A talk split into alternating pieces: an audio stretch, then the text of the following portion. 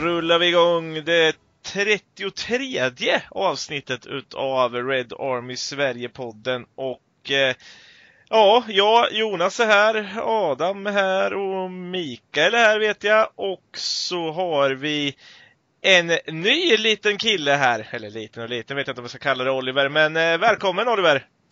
Tack till så jättemycket. Tack. Podden! Och välkommen Adam och Mikael också såklart då. Tack!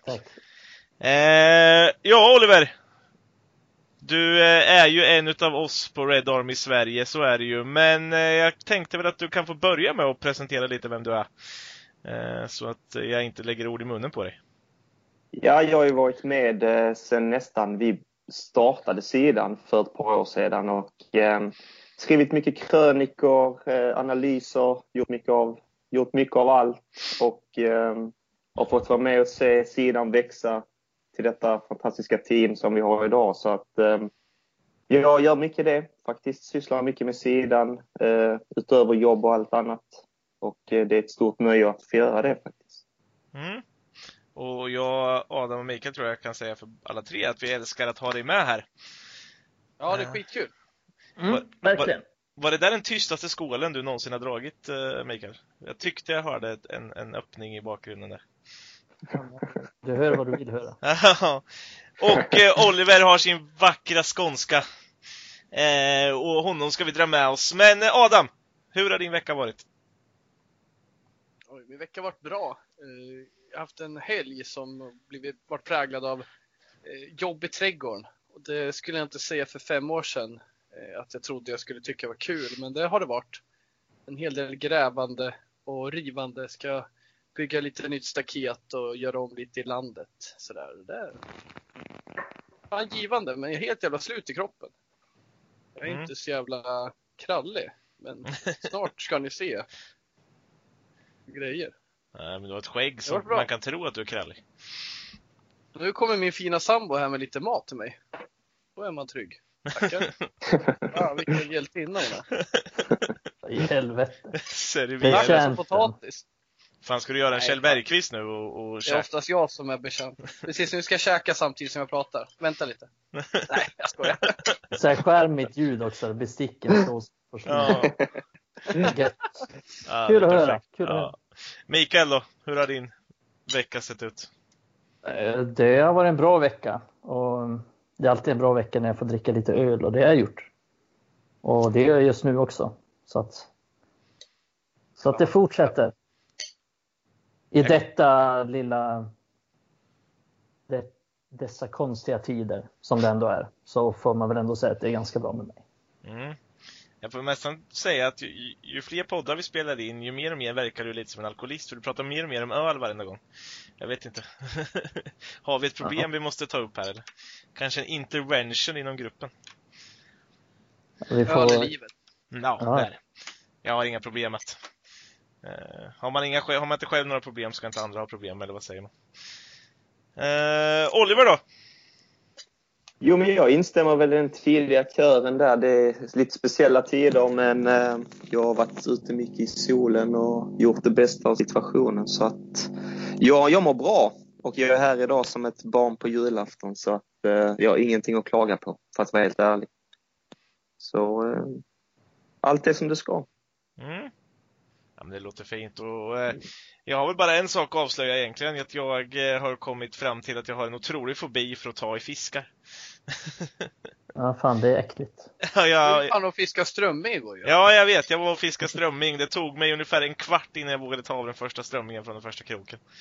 Ehm, så att, eh, ja, tydligen så är det inte bara ormar som är min största fobi, utan även att ta i fiskar är, jag vet inte, någonting är vidrigt med det. Jag, jag, de, de, De är så jävla sladdriga. Ja, jag, jag förstår att folk får ångest för när de har till exempel höjdfobi och sånt.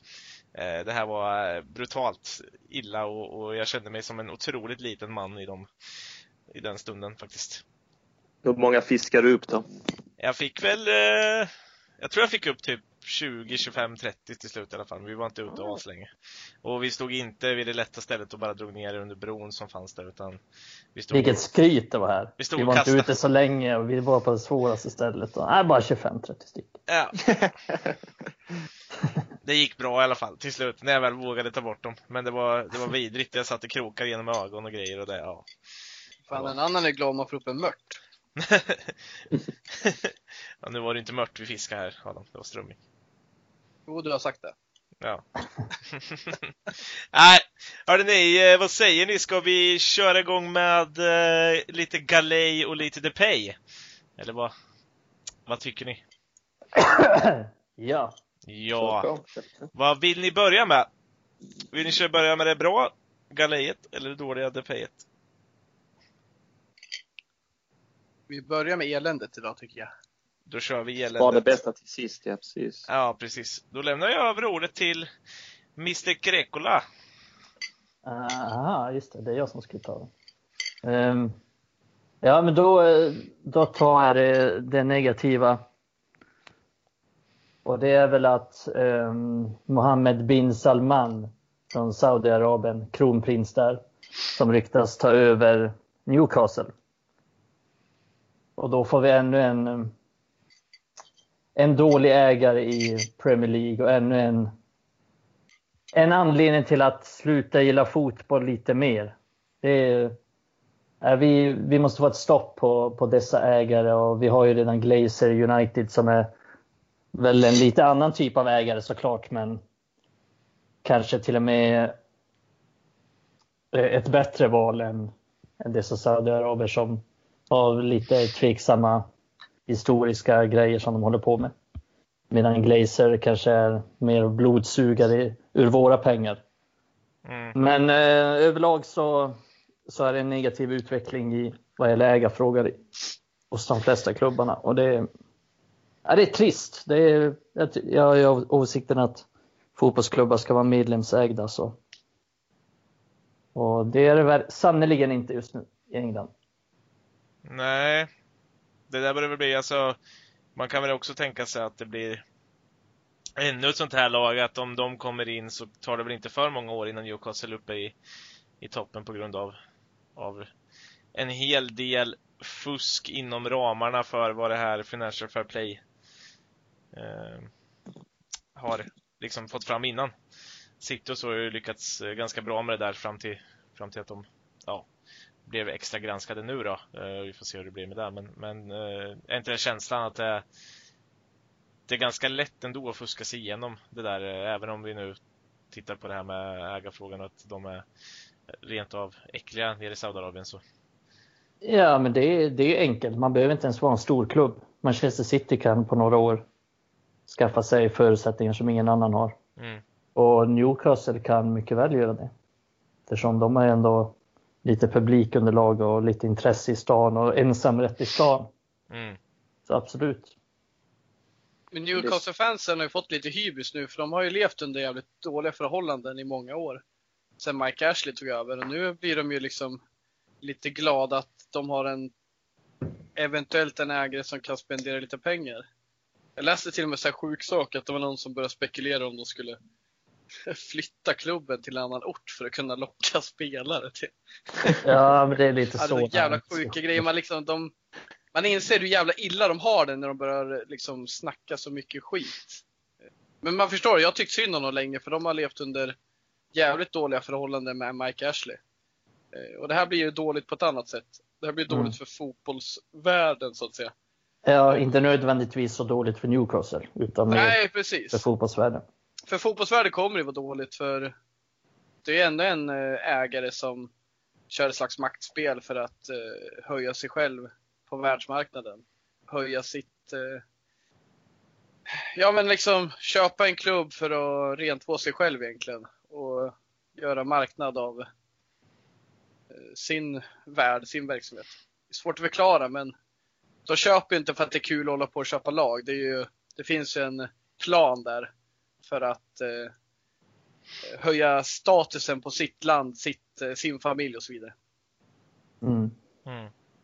Där borde det finnas några krav på, alltså jag tänker just när vi Liknande pratar om det. Liksom.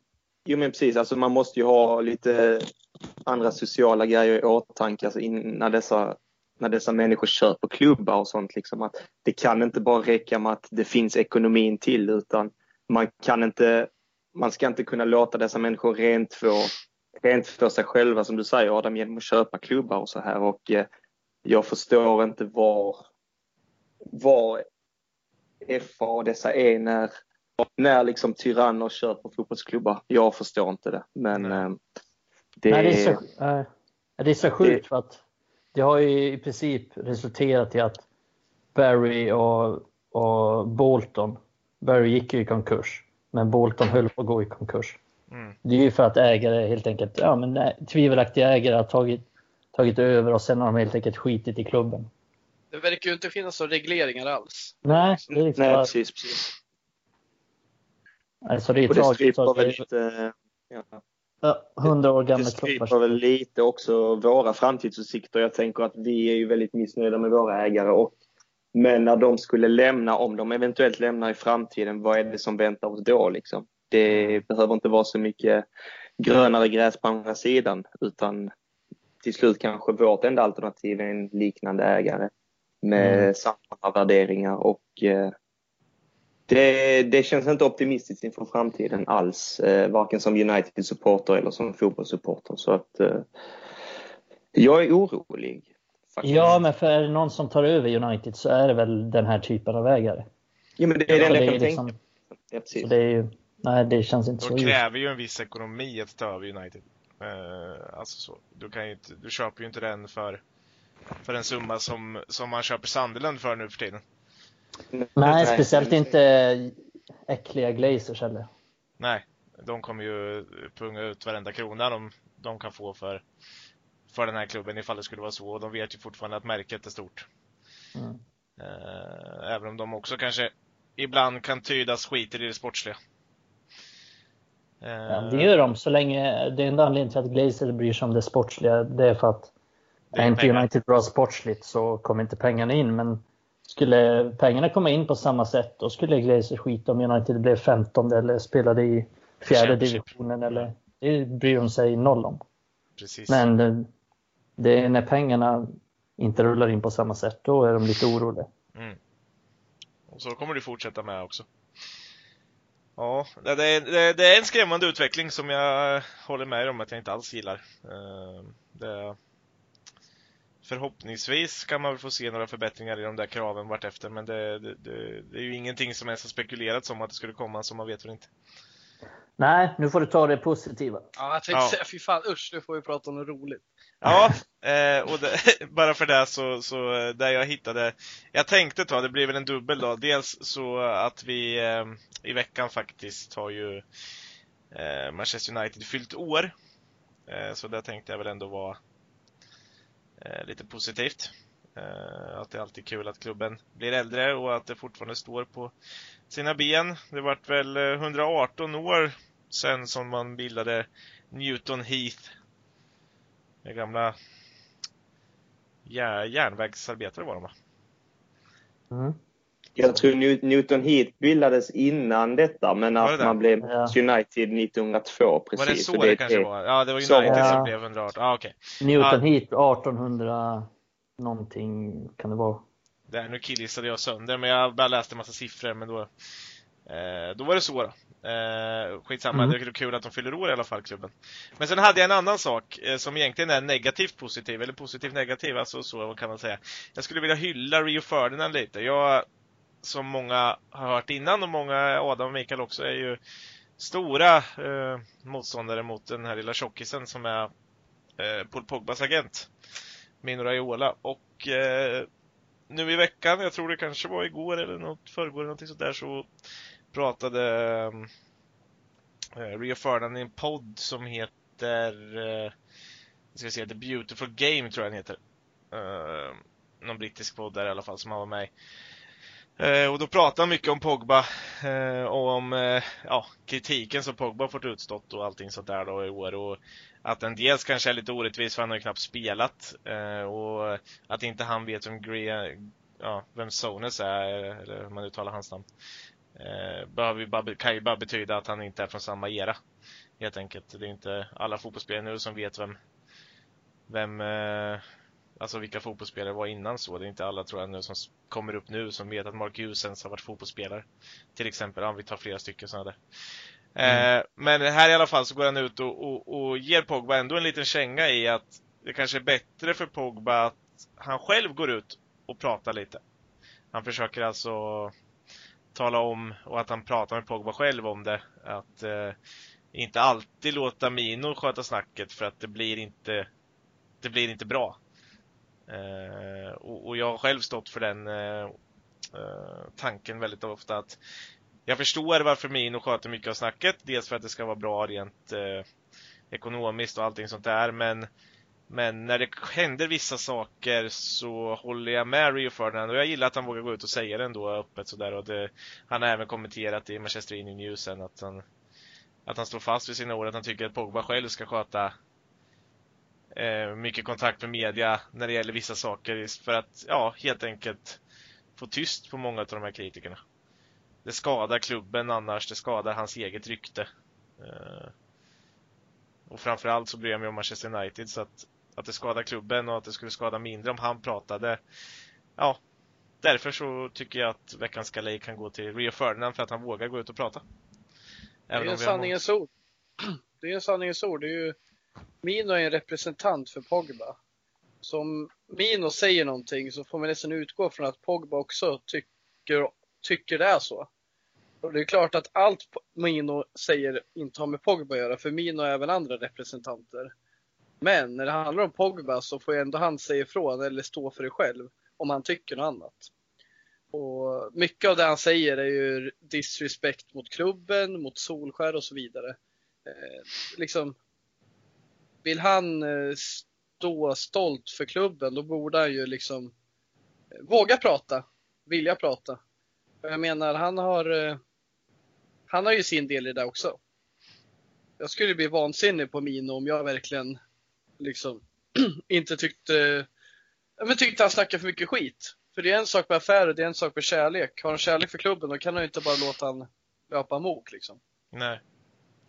Och det är väl lite dit man måste komma. Det känns ju, och det har vi varit inne på innan, men det känns ju väldigt mycket som att det är Raiola som styr sina spelare och inte tvärtom. Det är klart med, med, med kanske ett undantag för uh, uh, för Zlatan då, skulle jag väl kunna säga. Uh, där, där har man fått känslan att det kan vara lite tvärtom. Men där har ju ja, min... men det är, alltså det är väldigt, för att det är också samma sak där. Jag tänker den här Barcelona-flytten, hur den egentligen går emot allt Zlatan har stått för hela sitt liv. Alla mm. de här mm. starka värderingarna, att man kämpar i motgång, hur tufft man än har det och man, man ska motbevisa alla. Och att ändå lämna Barcelona med, ja lite med svansen mellan benen. Mm. Det tycker jag understryker ganska mycket att Mino, han styr sina spelare, vem det än är. Och jag är lite med där på Adams spår att ibland så kan även Pogba, han skickar ut fel signal genom att säga någonting alls. Och um, då får man ju faktiskt tolka det som att han, han, han står på min sida och han håller med om samma saker om han mm. inte motsäger sig det. För att det är allvarliga anklagelser mot klubben gång på gång. Och det, jag tror det, kommer, det kan avstanna vår utveckling väldigt mycket att sådana karaktärer finns i klubben och att sånt får pågå. Det, det går emot hela kontinuiteten som Manchester United är uppbyggt på och eh, det någonting måste hända där. Eh, jag tror, att, ehm, jag tror inte att Pogba kommer gå ut och prata om det, utan jag tror att han förlitar sig på Mino. Och eh, de kommer inte vara kvar i United länge till, någon av dem. Men vi får se. Vi får se. Det kan du, får vi hoppas då, eftersom då får vi hoppas att Jesse Lingard också försvinner om han nu ska skapa ett samarbete med, med Mino. Eh, jag hoppas ju att Pogba stannar och att Mino och Jesse Lingard drar. Ja, precis. Vilken vändning. ja, men, nej, men alltså, jag har inget problem med att Pogba är kvar, men nej, det är Mino som förstör honom. Mm. Det är Mino som representerar honom. Men samtidigt, ja, absolut, Pogba borde säga ifrån. Det borde han göra. Det ska dock sägas att Pogba egentligen bråkat sig bort från varenda klubb. Han bråkade sig bort när han skulle till United också. Mm. Och då tror jag inte ens att han hade Mino. Eh, eller ja, det vet jag i och för sig inte, men jag tror inte att han hade Mino Raiola då, för han var typ 16 år. Men ja, så ja, visst, han har en Pogba sån... ska inte gå klanderfri. Han är, Nej, det ska han inte han, göra. Han, han är inte oäven att liksom bråka sig bort på så sätt. Nej, och, och det är ju så, han kommer aldrig lämna Mino, så det enda som är långsiktigt det är ju att de båda drar. Mm. Men det vore skönt att slippa Mino överlag ja, i klubben. Absolut, absolut. Så är det, men eh, i vilket fall som helst så tänker jag, vi vi pratar om att han är ett stort namn, Pogba, och det skadar klubben, men, men det är också bra för klubben att, att då eh, andra stora profiler inom klubben, för att det är han ju fortfarande, Rio Ferdinand, eh, också vågar gå ut och, och ta den kampen på något sätt. Även om han kanske inte kan göra lika mycket från den positionen han sitter i nu så, så tycker Ja, jag men det är väl det som har blivit det är väl det som har blivit konstigt från första början. Det är ju att Pogba inte har sagt någonting alls. Mm. Alltså det är ju därför det gång på gång blir dessa diskussioner. Det är ju för att han säger ingenting. Nej. Utan det är Minus som säger det. Och får vi inga uttalanden från Pogba så, så kommer vi ju aldrig kunna lita på något annat än det Minus säger heller. Och då kommer Pogba få ta skiten för det. Så Mm. enkelt är det. Han måste ta sitt ansvar som vuxen människa liksom och som ambassadör för Manchester United att, att faktiskt säga något eller våga göra något annat än det han gör nu. För att, att vara passiv är inte alltid den bästa lösningen. Framförallt inte i detta fall där folk har mycket spekulationer kring det. Mm. Instämmer. Mhm. och eh, säger att vi kan be Mino fara åt eh, dit pepparna växer, eller någonting sånt, som man brukar säga. Eh, Usch. Många jobbiga profiler vi har snackat om nu. ja, jag vet. Eh, Mike Ashley, Glazers, Mino. va- Vad kommer här näst? Di Maria liksom. Carlos Tevez, Gabriel Heinz. Ja, Memphis Depay. fy fan. Nej, men eh, då ska du få göra någonting roligare Adam. Du har ju några Mm. poäng att ta ifatt på Mikael, eller hur? Yes! Nej, det har du inte alls det. Ett poäng. Jo, Jo, ett poäng har du tagit ifatt på Mikael. Det stämmer. Eh, Oliver kommer i raketfart här efter dagens. Eh, precis. Har inte tidigare gäster samlat poäng till mig eller är det, Jo, hur funkar det? eh, Ja. jo, Patrik samlade upp 11 poäng åt dig förra gången. Ja, men de eh, mottagits gärna. Eh, Så, så de får De bara... flyttas över till dig. vi, vi skriver gäster här, gör vi. Eh, Yes, eh, Patrik har ju också bott i Malmö så det är, Ja, men då är, då är det, det är Malmöpoängen. precis. Sen lägger vi ihop med mina också eftersom jag också bor i Malmö så slår vi de här jävla inlandsjävlarna. Ja, men precis, precis. Grävbortskåne.se eller vad heter sidan? Eh, nu ska vi se. Ja, vi kör quiz i alla fall. Och eh, jag tänkte att vi ska börja med de här ledtrådsbiten vi haft eh, tidigare. Där man kan Mm. samla som högst fem poäng. Eh, eller noll poäng då, ifall man... Eh, och eh, vi kommer göra lite annorlunda idag för att dels för att eh, lyssnarna ska få chansen att eh, också gissa sig fram här. Ni, ni kommer få skrika i namnen när vi gissar. Ni kommer få gissa två gånger. Eh, så. Men ni kommer få skriva de här i ett PM till mig på, på Messenger under tiden vi, vi eh, spelar in här. Eh, så ni skriker ett namn när ni har hört en ledtråd om ni tror att ni vill gissa på den. Ni har totalt två gissningar på er. Jag kommer säga att ja, Adam och så säger jag att ja, Adam har svarat. Eh, och så kan jag säga om han hade rätt eller fel då. Så vet de andra om han hade fått poäng eller inte. Och sen så får de andra chansen att gissa om de vill. Annars så går vi vidare till nästa ledtråd. Och när alla har fått rätt eller ja, vi är framme vid sista ledtråden och eh, någon inte har fått rätt. Då eh, avslutar vi där och så går vi vidare till nästa. Vadå, Så så alla skriker får vårt namn och sen skriver ut till dig, eller va? Ja, precis. Du säger ditt namn så att vi vet att du ska gissa. Och så skriver Ja. du till mig. Okej. Eh, Istället för att du ropar så skriver du. Ja, Yes. precis. Då, då, ja. För då går det inte ut som förra gången när du sa Jesse Lingard och de andra kanske inte riktigt hade koll på det. Eller ja, det kanske de hade, men ja, du förstår vad jag menar. Ja, precis. Eh, och nej, du får gissa två gånger totalt, så du kan gissa en gång på fem poängar om du vill Oliver. Eh, och så Ja. kan du gissa en gång på en poängar, men du får, då får du inte gissa på de andra. Så även om andra har svarat så, ehm, så kan jag svara på frågan. Ja, precis. Ja. Ja. Eftersom, eftersom du inte ger ut några så här. Så alla kan gissa på fem poängar om ni vill det. Och så får vi se om alla, Yes, yes. alla har rätt. Okej. Eh, då kör vi på första spelaren här då. Eh, jag läser alltså som att jag är den här spelaren, tror jag att jag har skrivit det som i alla fall. Eh, för fem poäng. Jag kom till Manchester United den 12 augusti 2003 och jag lämnade för Besiktas den 6 augusti 2005. På den tiden gjorde jag 20 framträdanden och två mål. Oliver. Mm, då skriver du till mig. Skicka rätt. Mm, Oliver har svarat och Oliver har rätt. Vi får se om Adam eller Mikael. Vill ni att jag ska gå vidare? Mm. Ja, Ja, jag går vidare. Mm. Eh, Då kör vi för fyra poäng. Innan United så spelade jag i hemlandet för Atletico Paranense. Men det var mina prestationer i landslaget under tränaren Scolari som gjorde att jag var jagad av flertalet storklubbar i Europa. Adam. Mm. Adam har gissat och Adam har rätt.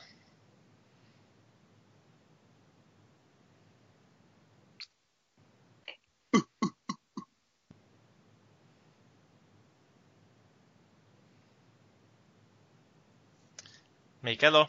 Ska du gissa eller ska du ta nästa? Nej, vi kör på nästa. Eh, tre poäng då. Brasilien återvände jag till efter att eh, efter min tid i Besiktas och ifrån Mengo hittade jag tillbaka till bättre tider inom min fotbollskarriär. Efter ett par riktigt tuffa år i England och Turkiet.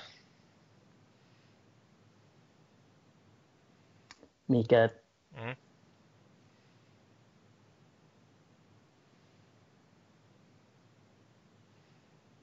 Jag hade väl lite på känn, men nu vet jag. Mm. Efter lite googling. Du vet det Oliver, Adam googlar väldigt mycket på det här. Jag ville tro Ja. säkert. Det tror jag. Eh, Mikael hade också rätt.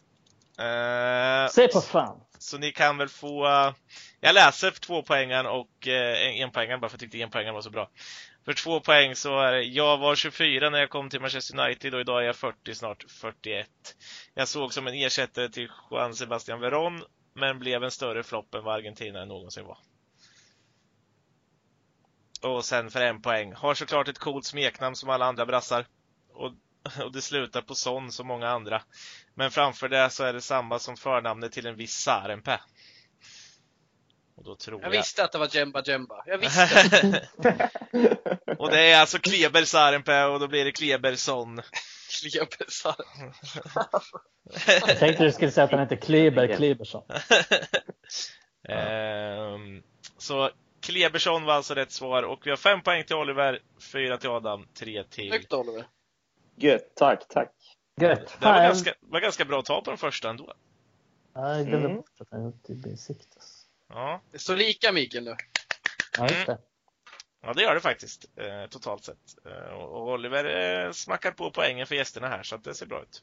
Mm. Eh, nästa, vi har en ledtrådsgubbe till och sen har vi några frågor till då. Eh, nästa ledtrådsfigur eh, figur här då. Just nu så tränar jag ett lag i Uzbekistan, men har hunnit med flertalet tränaruppdrag sedan jag la av som spelare 2006, närmare bestämt sju stycken. Det här är lite svårare skulle jag säga.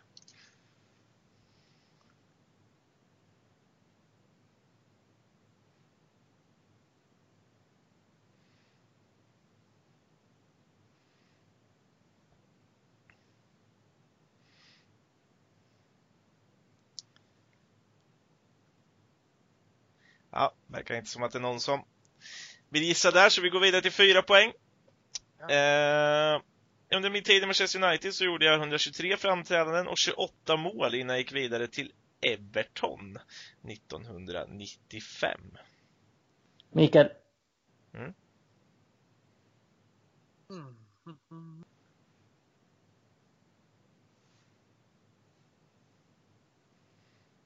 Mm, Mikael har gissat och Mikael har rätt.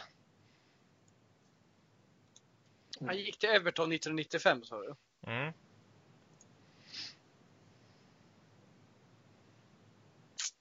Nej fan, jag kan inte alltså. Nej, jag är nog står över den också. Ja. Då tar vi eh, en... Eh, ja, tre poäng då. Efter Everton så gick jag vidare till eh, Glasgow Rangers och eh, efter det så ägde det rum en inte lika populär utlåning 2001 eh, till Manchester City.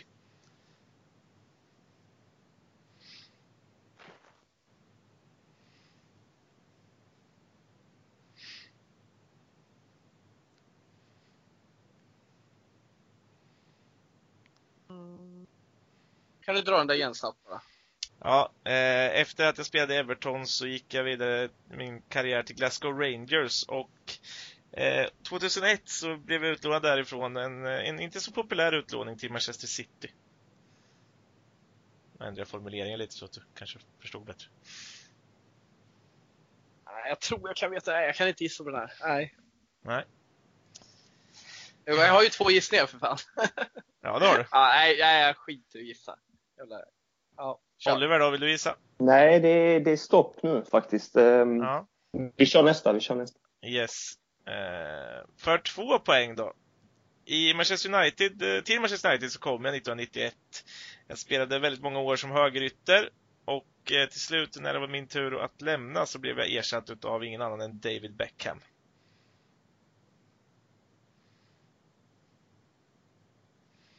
Ta den igen är du snäll. Adam. Ja, jag läser den bara en gång till ändå, men Adam kan få gissa så länge. Ehm, i, under min tid i Manchester United spelade jag på högerytter. Jag kom till Manchester United 1991 och eh, under den tiden spelade jag som högerytter. Eh, när det var min tid att lämna så blev jag till slut ersatt av ingen annan än David Beckham.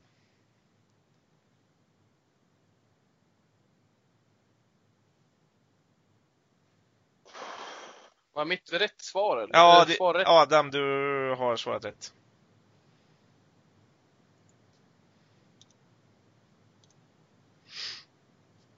Den är svår. Den är svår säger du och sätter den på Mm. fyra poäng. Ja, hade den varit lätt så hade jag satt den på fem. Det. Är det den klurigaste jag dragit till med ändå? Ja, den här hopp drar man inte fram i bakfickan inte. Vill du ha en poäng Oliver? ja, jag får nog fan ta den alltså. Ja, för, för den här borde man kunna. Stressad. Nu blir jag lite stressad. Den är ganska kort här. Eh, en poäng. Jag har gjort landskamper för, för detta Sovjetunionen. Okej, men då chansar Oliver på det här namnet. Du får ursäkta en eventuell stavning. Det är helt okej. Ja, jag förstår vem du menar och det är rätt. Ja, den skulle jag tagit. Jag funderar på den på ledtråd tre där, men ja. Nej. Och det är alltså... Nu tappar jag bort förnamnet på honom, men Kanchelskis. Andrei va? Andrei Kanchelskis. Jag tror att till och med Adam skrev, så den kan du få pluspoäng på nästan. Nej, det får du inte. Men... Eh, fyra poäng till eh, Mikael. Vad tog du på? Att han gick till Everton, eller vad? Mm. Ja. Precis, de och att han gick till Everton 95 va? Ja. Mm. Snyggt Mikael. Ja, det var Mycket riktigt snyggt. Mycket snyggt. Ett poäng till eh, Oliver gör ju att han har sex poäng. Mikael har lyckats snörpla ihop eh, sju poäng. Och Adam får alltså ihop sex poäng för du tog det på två poäng där. Eh, så 7-6-6 i det här avsnittet då, när vi går vidare till... Jag har egentligen... Tänker jag fel nu? Var inte vi lika inför den här omgången? Och Mikael fick ju två poäng mer. Nej, men, Nej, Mikael tog Ja. på tre poäng på första. Ah, okej. Ja, skitsamma. Eller jo, Ja, gjorde jag tror jag tangerar honom då inför den här omgången. Så nu ska han ha två poäng mer. Ja. Eh, du hade fyra, vi har ju bara kört Klebersson. Där fick Oliver fem. Adam Ja, du- fyra. Du, sorry. Jag tänker på total. Nej, to- det här, det här Ja. var bara det här. Det här eh, Sorry, glöm det jag sa. Ja, Ja, precis. Så totalt absolut är Mikael eh, två framför dig. Så, tjafsa inte med mig nu för nu blev jag helt ställd i huvudet. Eh, Det är eh, nu kan ni lägga ifrån er. Nu behöver ni Speciellt o- ointressant för lyssnarna också. Ja, precis. Eh, nu skriver vi vidare här då att eh, vi skriver, skrider vidare. Eh, jag vill egentligen ha närmast vinner på de här. Det är antal PL-mål utav fyra olika spelare. Eh, Premier League-mål alltså utav eh, fyra olika spelare i Manchester United. Eh, I deras historia så. Eh, det är närmast vinner som gäller. Ni kommer få eh, chansa lite här. Är man närmast får man två poäng. Är man eh, tvåa får man ett poäng. Är man längst ifrån får man noll poäng. Alltså, va? Vad sa du? Antal PL-mål? Ja, antal PL-mål utav den spelaren jag läser upp. Eh, och jag kommer säga vem som får börja gissa. Är ni med på det? Hur många mål man gjort i Premier League genom Precis, tiderna. i Premier League pratar vi nu. Inte i United-karriären, utan i Premier League. Är All right. All right. Ja, ni är med på den biten? ja. Yes, yes. Yes. Eh, Adam får börja svara på första. Kör vi Rud van Nistelrooy.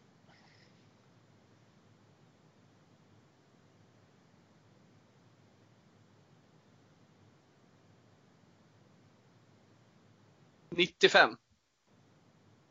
Mm. Mikael? Eh, jag råkar veta att, att jag också tror att det är 95. Mm. Och Oliver? Jag vet att det ligger på 90 också. Eh, jag kan inte vara så jävla tråkig och ta 95. Jag eh, tror att han gjorde... Men är det 95 så är det 95. Alltså jag, ja, men får man göra så då? Ja, jag får säga Ja. 95. För att jag, Det är Jag inte vet. 95, jag lovar det. Jo, jag tror det. jag tror han gjorde... Ja, för att vi... Vi pratar om detta. Ja, det är 95. Ja, det är 95. Fan, ni, är Mm, jag, jag är ganska säker på att det är det. ni är ganska duktiga ändå. Jag säger alla två poäng var då. Bra av Adam och, och eh, chanser Adam, eller visste du också? Jag kan inte säga att jag visste exakt. Men Nej. jag visste att det var under 100. Ja, det hade jag också koll på. Snyggt ändå eh, att pricka 95 och sen så drar Mikael till med 95 och Oliver går med på det och säger 95 och 95 är rätt. Eh, då får Mikael prova nästa då. Paul Scholes.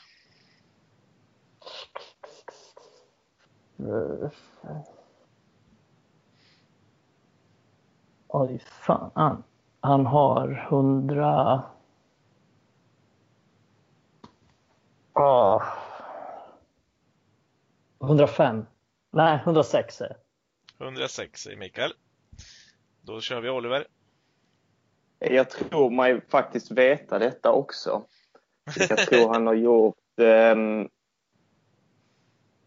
jag gjorde en liten jämförelse faktiskt för inte så jättelänge sedan med Gerard och Lampard, just det här med, med mål och assist. Jag tror han gjorde 107 107 mål tror jag han gjorde i Premier League. Eller nej, vänta. Nej, det var lite mindre tror jag. Eh, Frågan om det inte är 102 mål Paul Scholes gjorde för United Premier League. Mm. Jag gissar på 102 mål. 102. Mm. Då slår vi, fast, slår vi fast 102 och Adam 103. 103. Ja, jag vet inte om man är så här. Man mår lite dåligt som programledare när, när Oliver säger 107, ändrar till 102 och det är 107 mål. Det är så. Nej. Vilket gör att han hamnar längst ifrån och får Adam kör en taktisk, lägger sig mitt emellan och säkrar en tvåpoängare, eller en enpoängare eller? Ja. Eh, Ja, ja, jag tar den. ja du, du får ta den. Eh, Mikael, väldigt nära, 106. Eh, Mm. Vet att två han är över 100 i alla fall. Ja. Och då får Oliver börja på Javier Chicharito Hernandez. Mm. Ehm.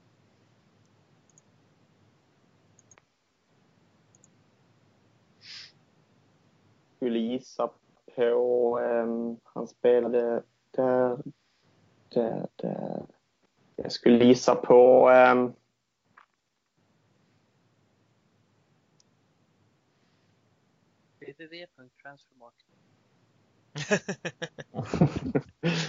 Eh, Jag försöker tänka lite vilken säsong och han där, fast han gjorde väldigt mycket kuppmål också vet jag, så det är inte så mycket mål man kan tro. Jag tror han gjorde, kan ha gjort 22 mål kanske. 22 mål. Mm. Mm. Då blir det Adam då. Jag säger eh, 48. 48 mål. Mm. Mikael. Ja, jag tror ändå han gjorde en del. Han gjorde väldigt mycket mål, det var lite av hans grej. Men...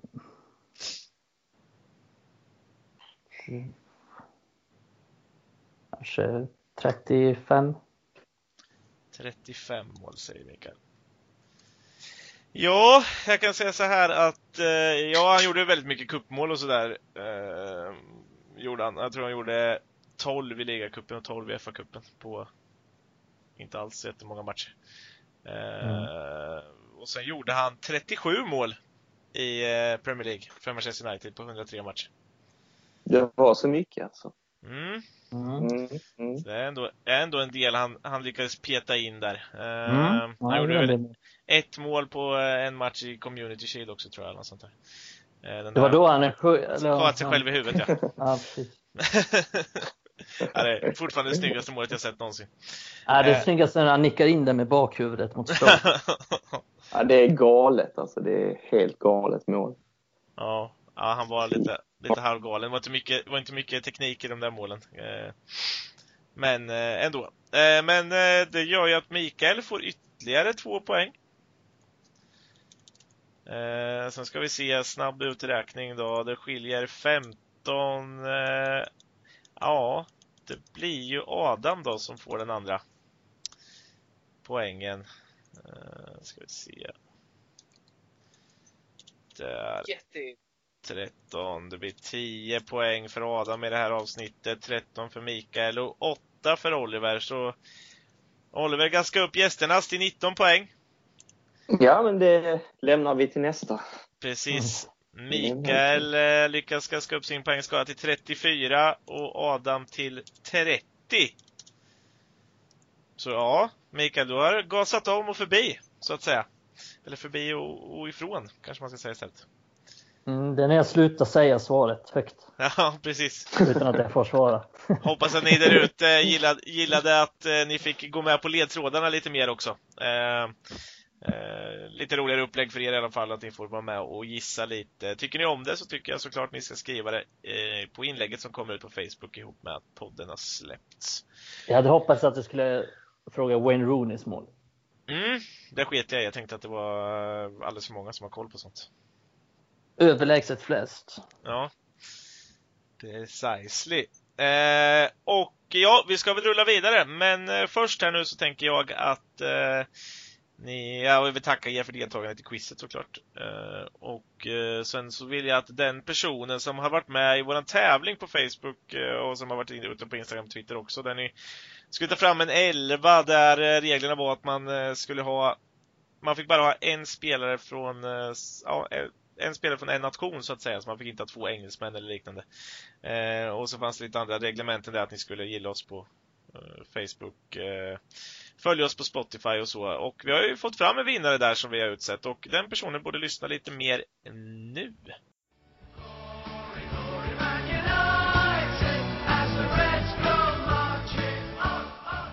Ja, och då var det väl dags att presentera den här vinnaren i tävlingen för, här på Red Army Sverige.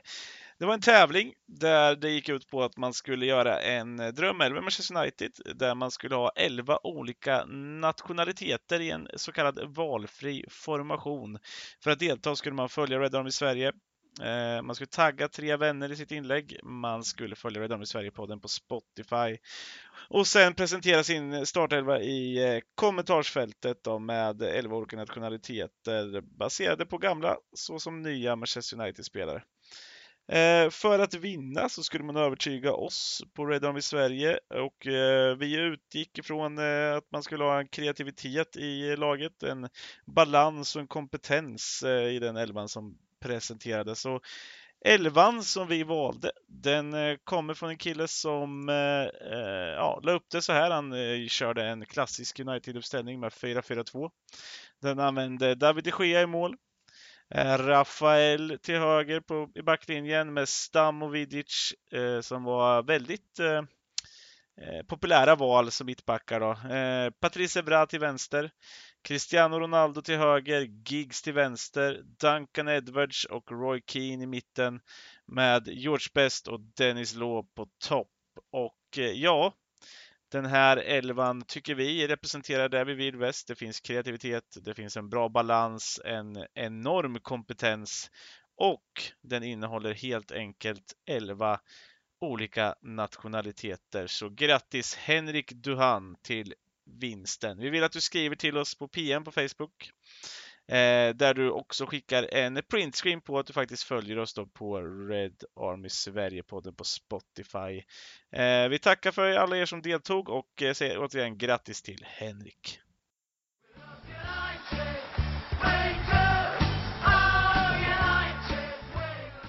Ja, då var det dags att flytta vidare i poddens samtalsämne så att säga. Eh, och Eh, vi har eh, tidigare pratat ganska mycket om underskattade spelare, framförallt på Facebook-sidan och så och på Instagram och där, där vi hade en liten tävling och kom fram till att Jason Park, som vi pratade väldigt mycket om i förra veckans avsnitt, eh, blev den mest underskattade spelaren i Manchester United enligt våra följare. och det finns ju en motsats till det här epitetet och det är ju såklart då med en skål överskattade spelare. Och jag är lite intresserad här grabbar. Eh, jag tänkte börja med dig Oliver, om du kan dra fram något namn ur bakfickan som en spelare inom Manchester Uniteds historia som du tycker har varit till delvis då överskattad?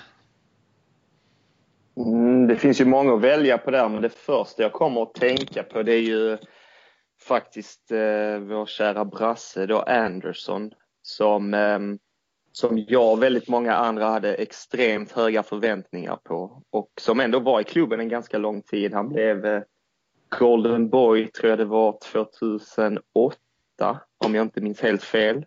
Eh, han eh, besegrade bland annat Agüero i den tävlingen och Nej, men det är en spelare jag trodde väldigt mycket på, Anderson. Och, men det jag tycker inte att han alls infriade de förväntningarna som, eh, som vi hade på honom.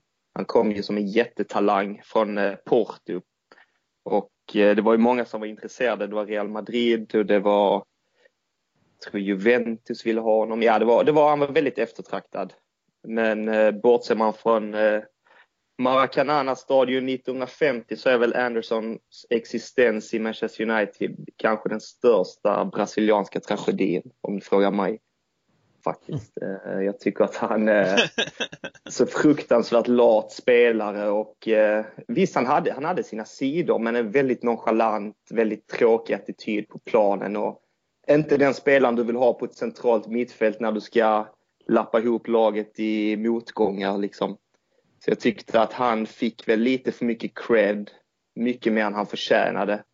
Framförallt eh, Framförallt med tanke på att han var, han var en skön typ som man gärna vill ha i omklädningsrummet och de, de pratar vi mycket om idag och det, det rättfärdigar kanske mångas ganska katastrofala insatser. Typ att, jag kommer ihåg den här armémarschen han gjorde med, med militären när United vann ligan 2009 kan det varit kanske, 2008-2009.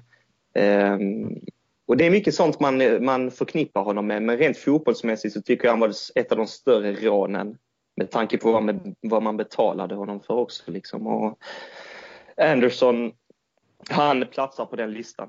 Definitivt. Extremt överskattad fotbollsspelare. Han kändes jävligt pajig. Så mm. det var nästan, man betalade, det var, vi ska komma ihåg att det var jävligt mycket pengar på den tiden. Precis. Eh, och att, ja men som du sa, han kändes oprofessionell och väldigt pajig. Som en, ja, men, jag tyckte inte han var bra på någonting egentligen. Visst, han hade lite dynamik i sitt spel och så. Han var rätt snabb och hyfsat stark och så. Helt okej okay touch, men liksom, jag har aldrig sett någon mittfältare i United vara så dålig offensivt. Alltså om vi säger sista pass, skott. Det var helt otroligt. United kunde ta upp liksom vem som helst ur akademin och de utklassade honom i de aspekterna. Så jag tyckte, ja, det hade Nej, definitivt ingen, ingen slutprodukt överhuvudtaget som du säger Mikael. Det var eh, som du säger lite dynamik emellanåt. Han kunde liksom styra tempot lite i matcher så här. Han, hade, han kom in i vissa flow där han, eh, ja men det, han är ganska schysst att titta på liksom. Och, mm. Men det är väl lite det många luras av med brassar. Att eh, de, man blir lite distraherad när de, eh, när de använder bollen. Man, eh, man ser väl kanske inte hur de egentligen påverkar laget utan man tänker att lite som när Rubinho kom till City också. Ja, men han, det är en schysst fotbollsspelare och han har bra teknik och bra känsla. Men hur påverkar det laget i helhet? Har man någon nytta av honom? Nej, egentligen har man inte det. Och, eh, så att eh, jag, jag är med dig där. att Fruktansvärt dålig slutprodukt framförallt och ingen spelare som jag någonsin vill se igen i Manchester United. Han fick ändå det förtroende av Ferguson. Mycket man ändå säga. Det var lite, Mm. lite märkligt att han fick så mycket. Vi, om vi snackar liksom så CL-finaler så, så startade han ju en Champions League-final och kom in i en annan. Och, så han ändå... Det var inte så att han var en alibi-spelare liksom. Han var ju ganska... Fick ganska mycket speltid. Och i viktiga matcher också. Så det, det var ändå, och jag tyckte sällan han var bra faktiskt. Visst, han hade några matcher där men Det där är jätteintressant. Alltså, vi köpte han för rätt mycket pengar. Och hans insatser, de kom ju med väldigt ojämna mellanrum kan man säga. Det hände då och då. Jag minns inför någon CM-final var han ju jättebra. Kanske var därför han fick delta i finalen. Jag har för mig det var mot Schalke han var väldigt bra. Ja, eh, men Insatserna ska- kom då och då, men liksom samtidigt att ha sådär ojämna insatser. Det kanske man bara klarar sig med i ett sånt Ferguson-bygge. Mm. Att i ett annat lag så skulle han inte kunna gömma sig för han har så mycket bra spelare runt sig. Liksom. Alltså, I ett eh, att, David Moyes-lag så hade han försvunnit ganska kvickt. ja, då hade han varit ännu, ännu sämre. Det får vi också ha med i, i åtanke att han spelade under Ferguson som fick de flesta att prestera. Men anledningen till att jag tror att Anderson startade Champions League-final och så, det var ju för att vi hade inte jättebra alternativ på innermittfältet på den tiden. Och, och fan, nu minns jag inte om det var 2009 eller 2011 när han startade Champions League-finalen. Men eh, han startade väl den för att, antar jag, för att Ferguson ansåg att Scholes eh, Scholes fysik och Scholes ben inte räckte till mot att jaga boll mot Barca. 2009 var det han startade Mm. faktiskt. Eh, han ville ha mer dynamik på mittfältet. Mm. Han blev Och utbytt det i fattar man ju tanken. Ja, ja, det vet jag inte. Det svär jag inte på. Men Jag tror det. Vadå, vad sa vi? Blev han inte utbytt i halvtid då? I finalen. Han borde väl ha blivit det, men jag vet faktiskt inte heller det. Men, eh, ja, Rätt säkert den vi förlorade med 2-0. Jag har knappt några minnen från den matchen. Det blev full där på slutet. Det måste jag kolla. Nej, men det är en fruktansvärd besvikelse. En fruktansvärd besvikelse och ehm, det, är- det är för mig överskattad spelare att du har så jävla mycket förväntningar på någon som inte bryr sig ett skit om att faktiskt infria dem utan kör sitt race liksom om ens det och väldigt lat, gick upp väldigt mycket i vikt och hade inga riktiga träningsrutiner och han var Mm. Nej, han, han var inte alls den här typiska United-spelaren och han, värvningen av honom och även Kleberson då faktiskt som var hans, eh, var hans föregångare. Det var, det var spelare som går emot mycket av den här kontinuiteten som klubben byggdes på under Ferguson och Sir Matt Busby innan. Mm. Att eh, det ska vara hårt arbetande spelare och då, därför är jag väldigt förvånad att man väljer en sån spelare på Uniteds inom mitt fält och att han ändå är där så länge. Fast att han gång på gång visade att han, eh, han har ingen hög arbetsmoral.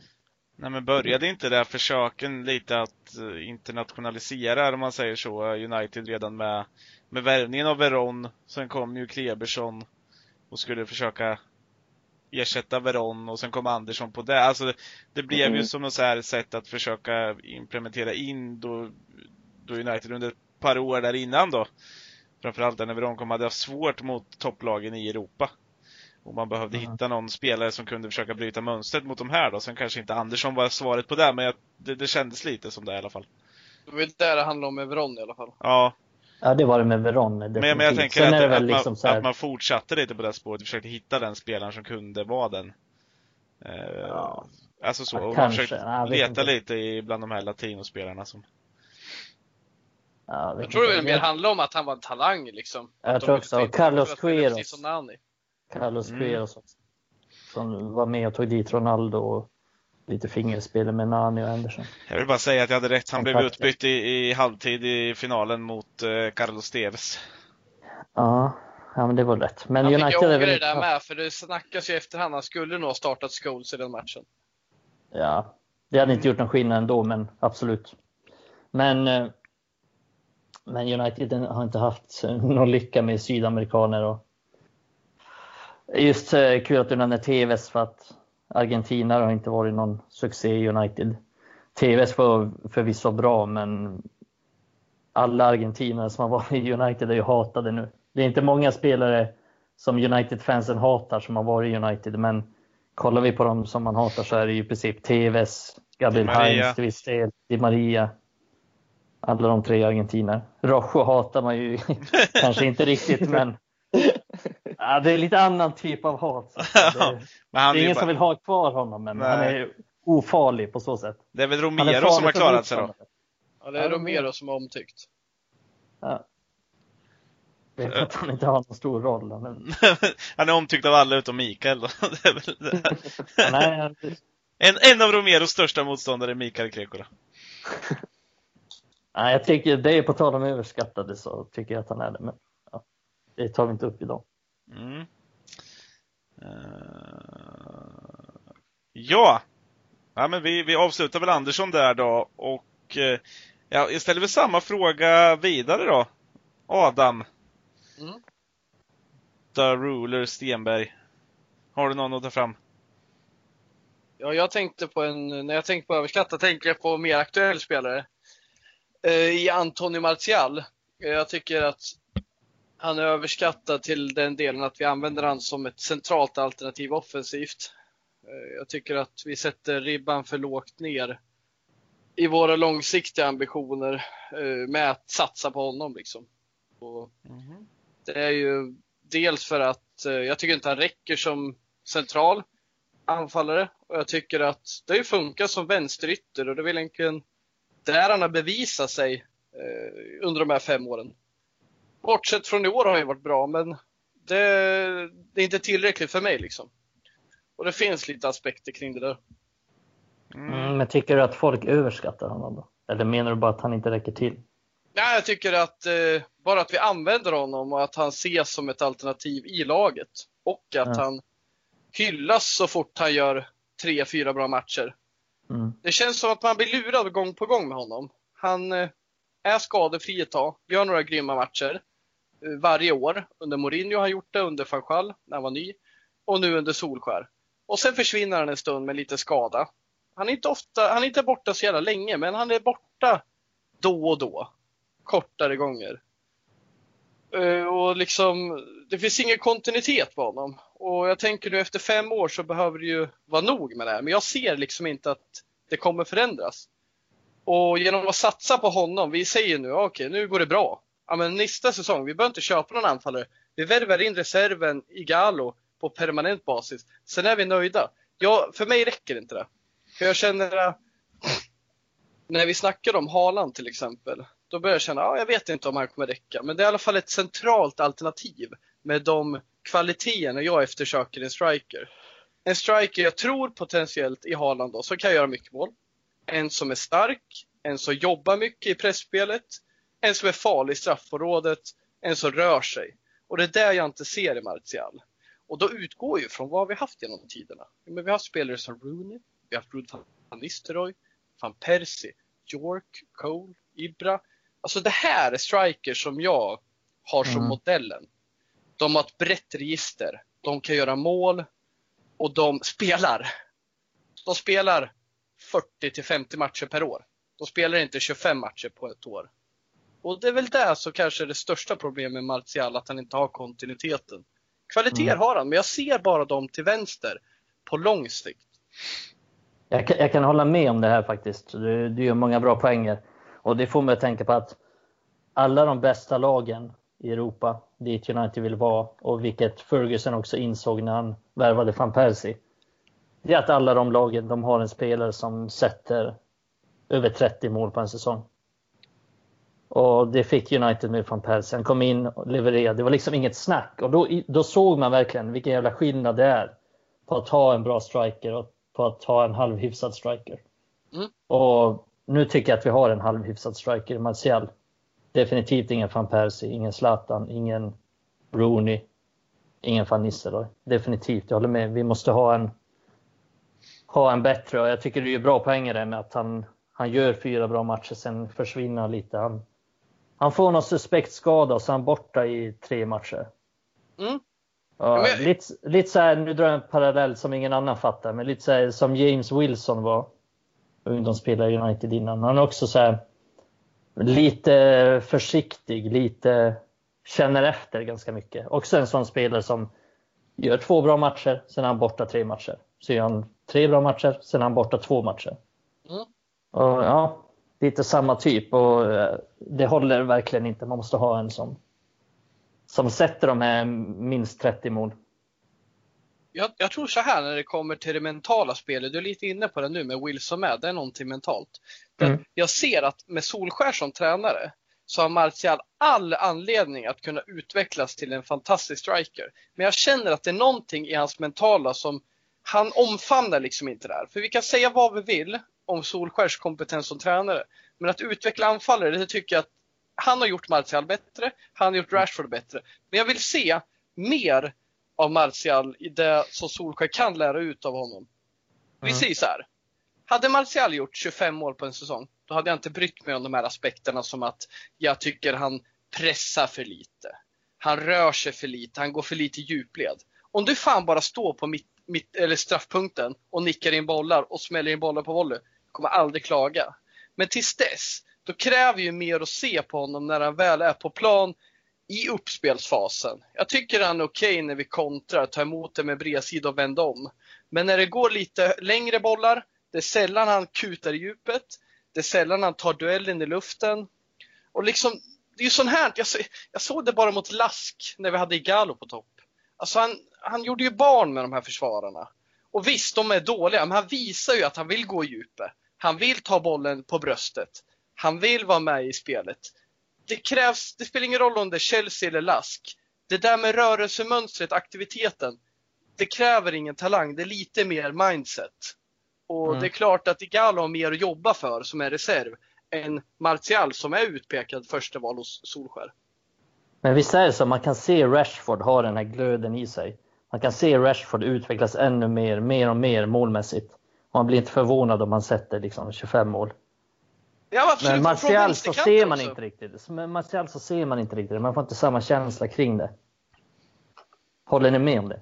Jag tror det är så enkelt att han har kanske inte viljan till att, till att bli så bra. Alltså han verkar inte så engagerad. Visst, alltså, Nej. det kanske är lite känslig diskussion så här men hur mycket bryr han sig egentligen? För att det är lite som ni säger det här att eh, med Martial känns det som det är många komponenter som måste, som måste stämma för att, eh, för att han ska funka som fotbollsspelare. Men den här riktiga forward-instinkten finns inte där hos honom. Men jag tycker heller inte att även när han får det här ansvaret att nu är du vår bästa spelare, nu litar vi på dig, du är vår anfallare. Så tycker jag inte att han verkar, han bär inte det ansvaret, han verkar inte bry sig speciellt mycket om det heller. Eh, Jag ser inte att han förändras mentalt, jag ser inte att han, som ni beskriver, att han tar den här extra löpningen, att han, att han möter mer boll utan att han är ganska, han känns ganska likgiltig som fotbollsspelare och eh, Eh, Även om han blivit lite mer engagerad under Solskjaer den senaste tiden så är han ganska, ganska lam ofta i matcherna. Väldigt lam Mm. och ehm, Jag skulle väl ändå säga att jag vet det, inte. det du säger nu är, är ganska signifikativt för det jag, jag benämner som en överskattad spelare. Alltså så, eh, en spelare som har kvaliteter egentligen, för det måste man säga att Martial har. Han har visat det hundra gånger om att han har kvaliteter rent tekniskt, rent avslutningsmässigt och allting sånt där. Eh, för att göra väldigt mycket. Sen har han inte den där toppkvaliteten för att kunna göra det även fast han inte bryr sig. Typ som vissa andra spelare kan ha det. Eh, men han har, och, och då när han inte heller har mindsetet på samma plats, utan där liksom, han bryr sig inte riktigt. Han verkar inte vilja ta sig dit. Han bryr sig mer om att lipa på plan än att lägga en extra meter och då är man faktiskt, och jag måste hålla med dig Adam, även om jag var lite frågande först när du nämnde honom. Så, så fick du över mig, så, så, så ja, så är han en, en ganska överskattad spelare i, i, den, i den poängen. Det är bara jag tycker- ändå- Fortsätt ni. Nej, men det man såg under första säsongen, då var det ju verkligen en anfallare som ville allting.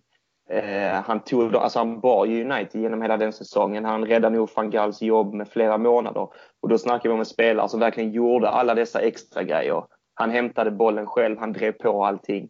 Men mycket av det har ju dött. Jag vet inte vad det beror på. Om det handlar mycket om att han har inte kommit till sin rätt. Det har gått rätt många år nu och man har inte sett den utvecklingen som man trodde. Utan jag skulle snarare påstå att han var fortfarande bättre sin första säsong i United än han är idag. På många sätt. Och det är väl det som är lite oroande att har han den utvecklingen, att ja, han har en jättehög högsta nivå men kan han verkligen bibehålla det någonsin? Det är det jag tvivlar på också. Men samtidigt är det väldigt svårt att offra en spelare som har så hög potential och som kan bryta mönster, som kan avgöra matcher på egen hand. Jag tror väl att eh, vi vill väl tro mycket på honom men jag tror inte att han har så mycket mer att ge än detta. Det är oroande. Det jag Ja. tror med honom det är att liksom, jag, kan- jag, jag tror på honom eventuellt som en vänsterytter eller reserv. Problemet för honom det är att han har Rashford som konkurrent eh, potentiellt som vänsterytter. Vi leker med tanken att vi, vi säger att vi, vi köper en anfallare. För han, han är tillgänglig, en riktigt bra anfallare. Då är det ju Rashford till vänster och då är det ju anfallaren centralt. För Martial kommer aldrig bli högerytter. Inte Rashford heller. Och just att det, det, det, är den rollen han kan ha. Jag kan se att han är kvar i klubben, men inte som central anfallare, inte på lång sikt. För då, som sagt, vi, sänk, vi sänker ribban då. Där är jag inte beredd att hålla med riktigt, för jag ser honom inte heller räcka till som vänsterytter. Jag, Det ser är inte där att- jag tycker han har varit bra genom åren. jag tycker att nästan han har gjort bättre i så fall nu som, som striker just för att han eh, hamnar mer i de här lägena. Sen så är han inte där rörelsemässigt som man ska ha som striker, men som vänsterytter det är för lojt där ute också. Det är alldeles för mycket det som kanske Rashford gjort bättre i år när han faktiskt använt sin fart mer. Det gör ju nästan aldrig Martial.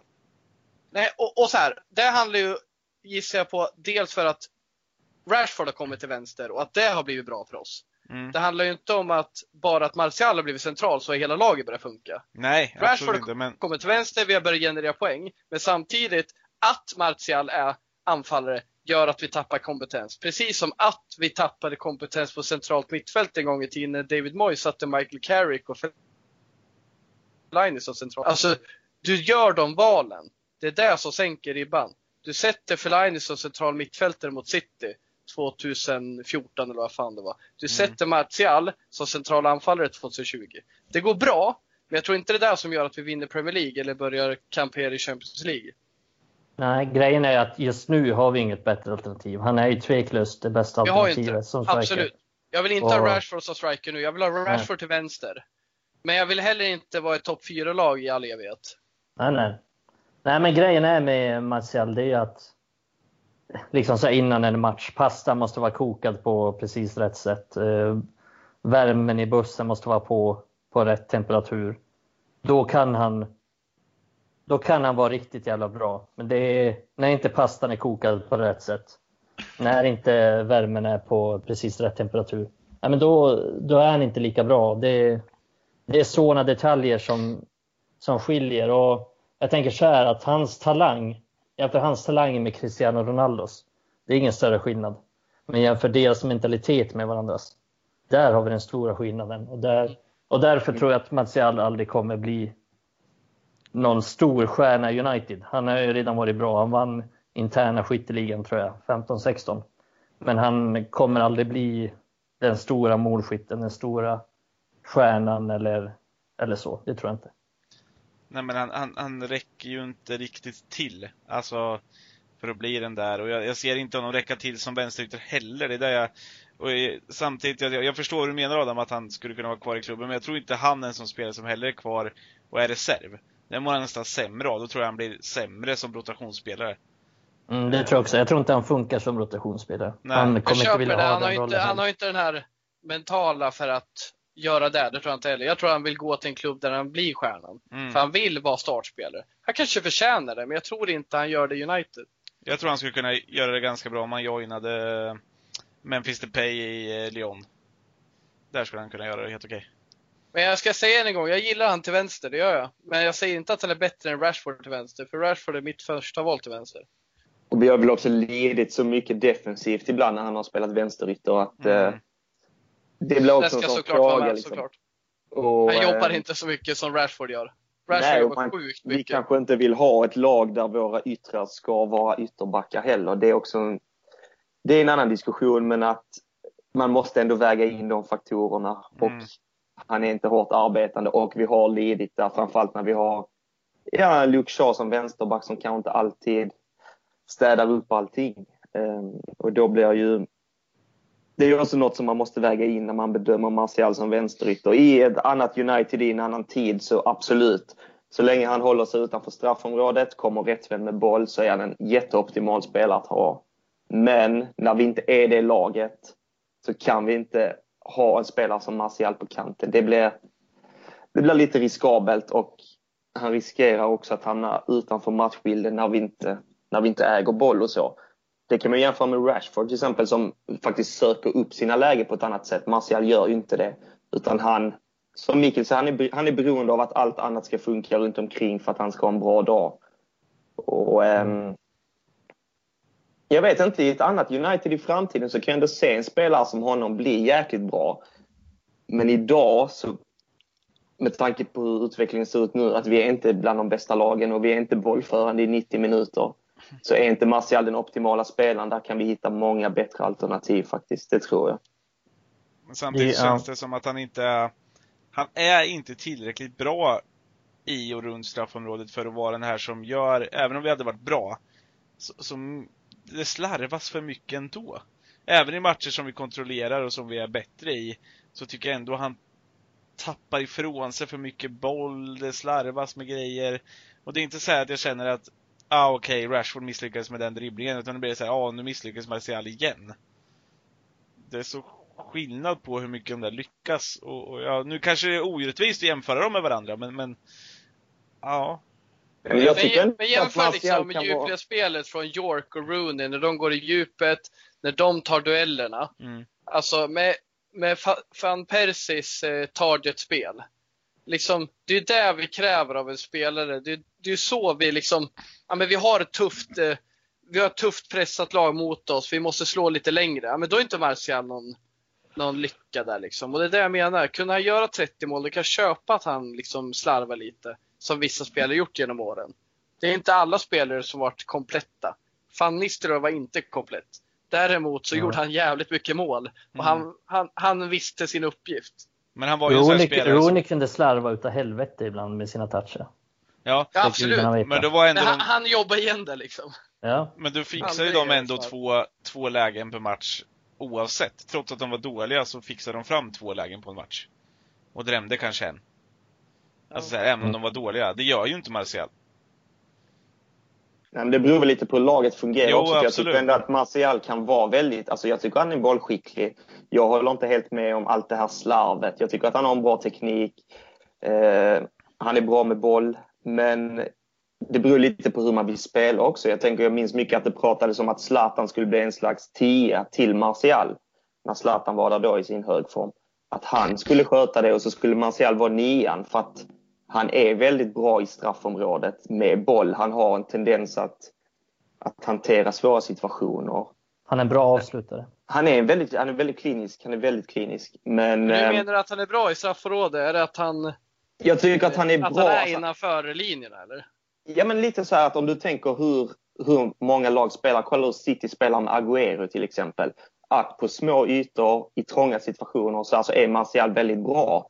Men vill man tillbaka till det här framgångskonceptet man alltid haft med van Nistelrooy, med van Persie, med York och Cole, spelare som kan allt. Då kan man inte ha Martial. Det funkar inte. Utan du måste hitta ett komplement till honom. Du kan inte ha honom som ensam nia som ska gå på inlägg, som ska göra allt detta. För han är inte den spelartypen. Utan han är den tekniska anfallaren. Och du måste, så jag tror det, det är samma ansvar ligger på att på att komplettera honom som att utveckla honom. Så skulle jag säga det. För att jag tycker att potentialen finns där till att han kan göra saker väldigt bra. Men det är mycket runt omkring som inte funkar och när mycket runt omkring inte funkar då är Rashford ett bättre alternativ. Men rent fotbollsmässigt så skulle jag inte säga att Rashford är ett mycket bättre val. Men i dagsläget är han det. Sett till Nej, men vi Rashford spelar. är inget bättre val centralt, men vi ska ju inte Nej. behöva liksom köpa spelare för att en bristfällig spelare ska börja funka. Det, det Vi skulle jag kunna säga om haft Ruth van bristfälliga Nistelrooy. Liksom. spelare. Liksom. Vi har alltid haft bristfälliga spelare i klubben. Vi har ju aldrig haft spelare som är 100% perfekta. Det är ju så vi egentligen har- vi har byggt United, liksom att många har kompletterat varandra. Så van Nistelrooy var ju knappt med i spelet. Det var därför han försvann. Det var därför Ferguson ville bli av med honom, för att han, han bidrog för lite i spelet. Och det gynnade inte United i, i det långa loppet som ett spelförande, skickligt, flytande lag. Så det var Men ju, han vann ju titlar åt oss liksom och han, han ja, gjorde men han vann jobb. inga Champions League-titlar eller så. Även om, Nej. han, även om det inte var något fel på, på van Nistelrooy på så sätt så fanns det ju en anledning till att United blev som bäst när han försvann. Och man tog in ett mer flytande spel, även om det var lite timing med att Ronaldo Rooney kom upp och så vidare. Men Men om vi det- säger att vi skulle värva, vi, vi, vi har om formationer för Martial. Vi kör en 4-4-2 till exempel som skulle få en komplement till honom. Mm. Eller något annat liknande, en 3-5-2. Liksom, kommer det påverka hans mentala då tror du? Att han liksom börjar göra jobbet, att han börjar vara med i pressspelet, röra sig på ett annat sätt och faktiskt eh, ändra om hela sitt eh, sätt att vara som spelare? Det tror jag faktiskt inte. Det gör jag inte. Men jag tror att i en viss miljö med en tydligare roll, för den har inte varit tydlig för honom. Det har varit mycket positionsändringar och så vidare när man kanske inte riktigt identifierat den stora huvudorsaken till hans dåliga spel, vilket har varit den mentala biten. Men jag tror definitivt att han kan växa i ett annat system med en annan spelare bredvid sig. För att Rashford och Martial, det blir lite kaka på kaka ibland.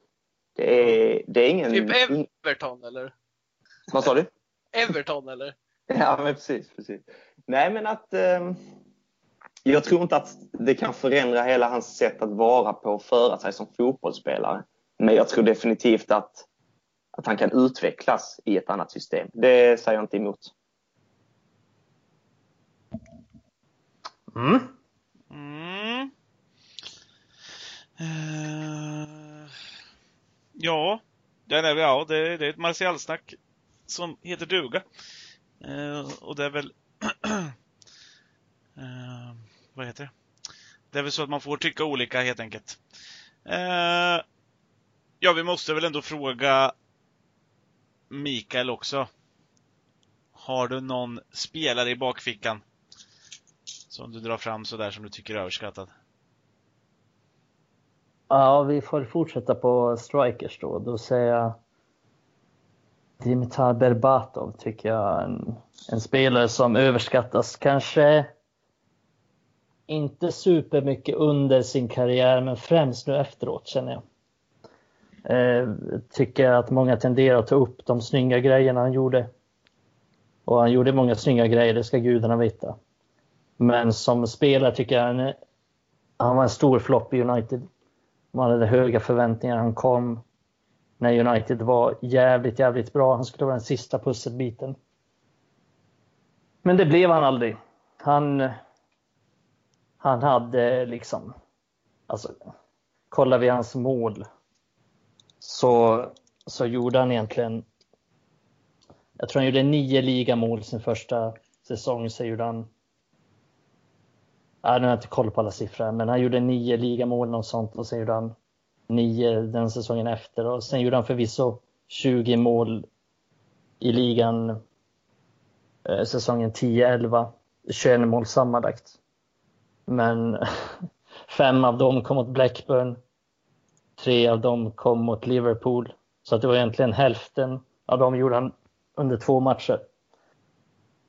Så han, han fick aldrig, aldrig någon kontinuitet i sitt målskytte och han gjorde sällan viktiga mål. Utan han, han satte sina 2-0 och 3-0 här och där.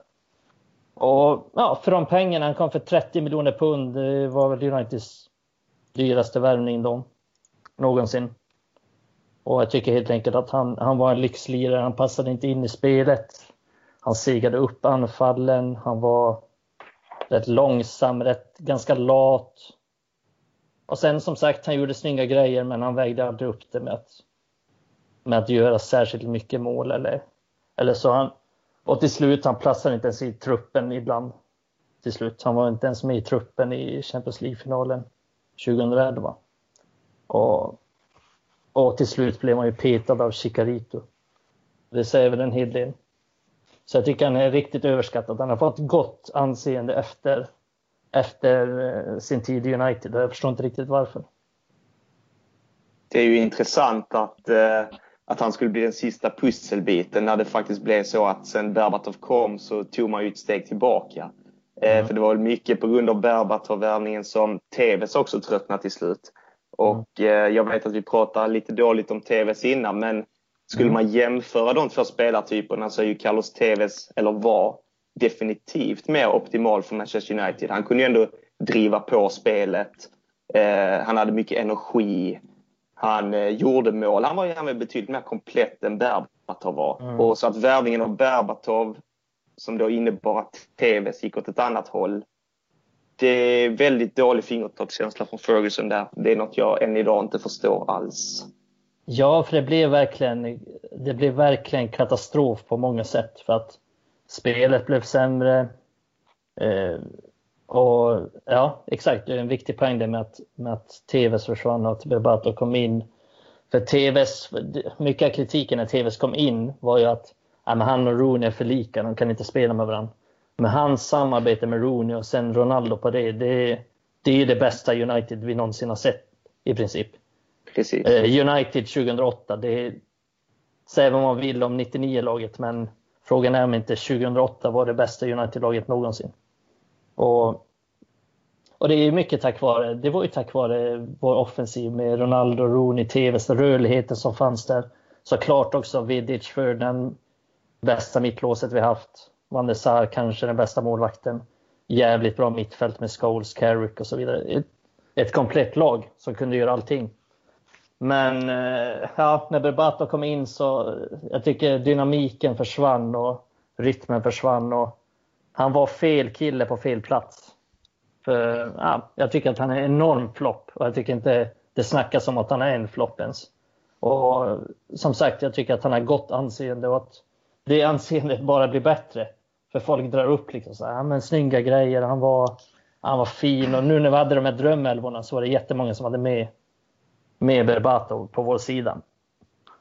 Eller alltså, drömmen när de fick ta ut sina, sina älvor. Du är in och pillar på en av mina favoritspelare. Eh, sådär.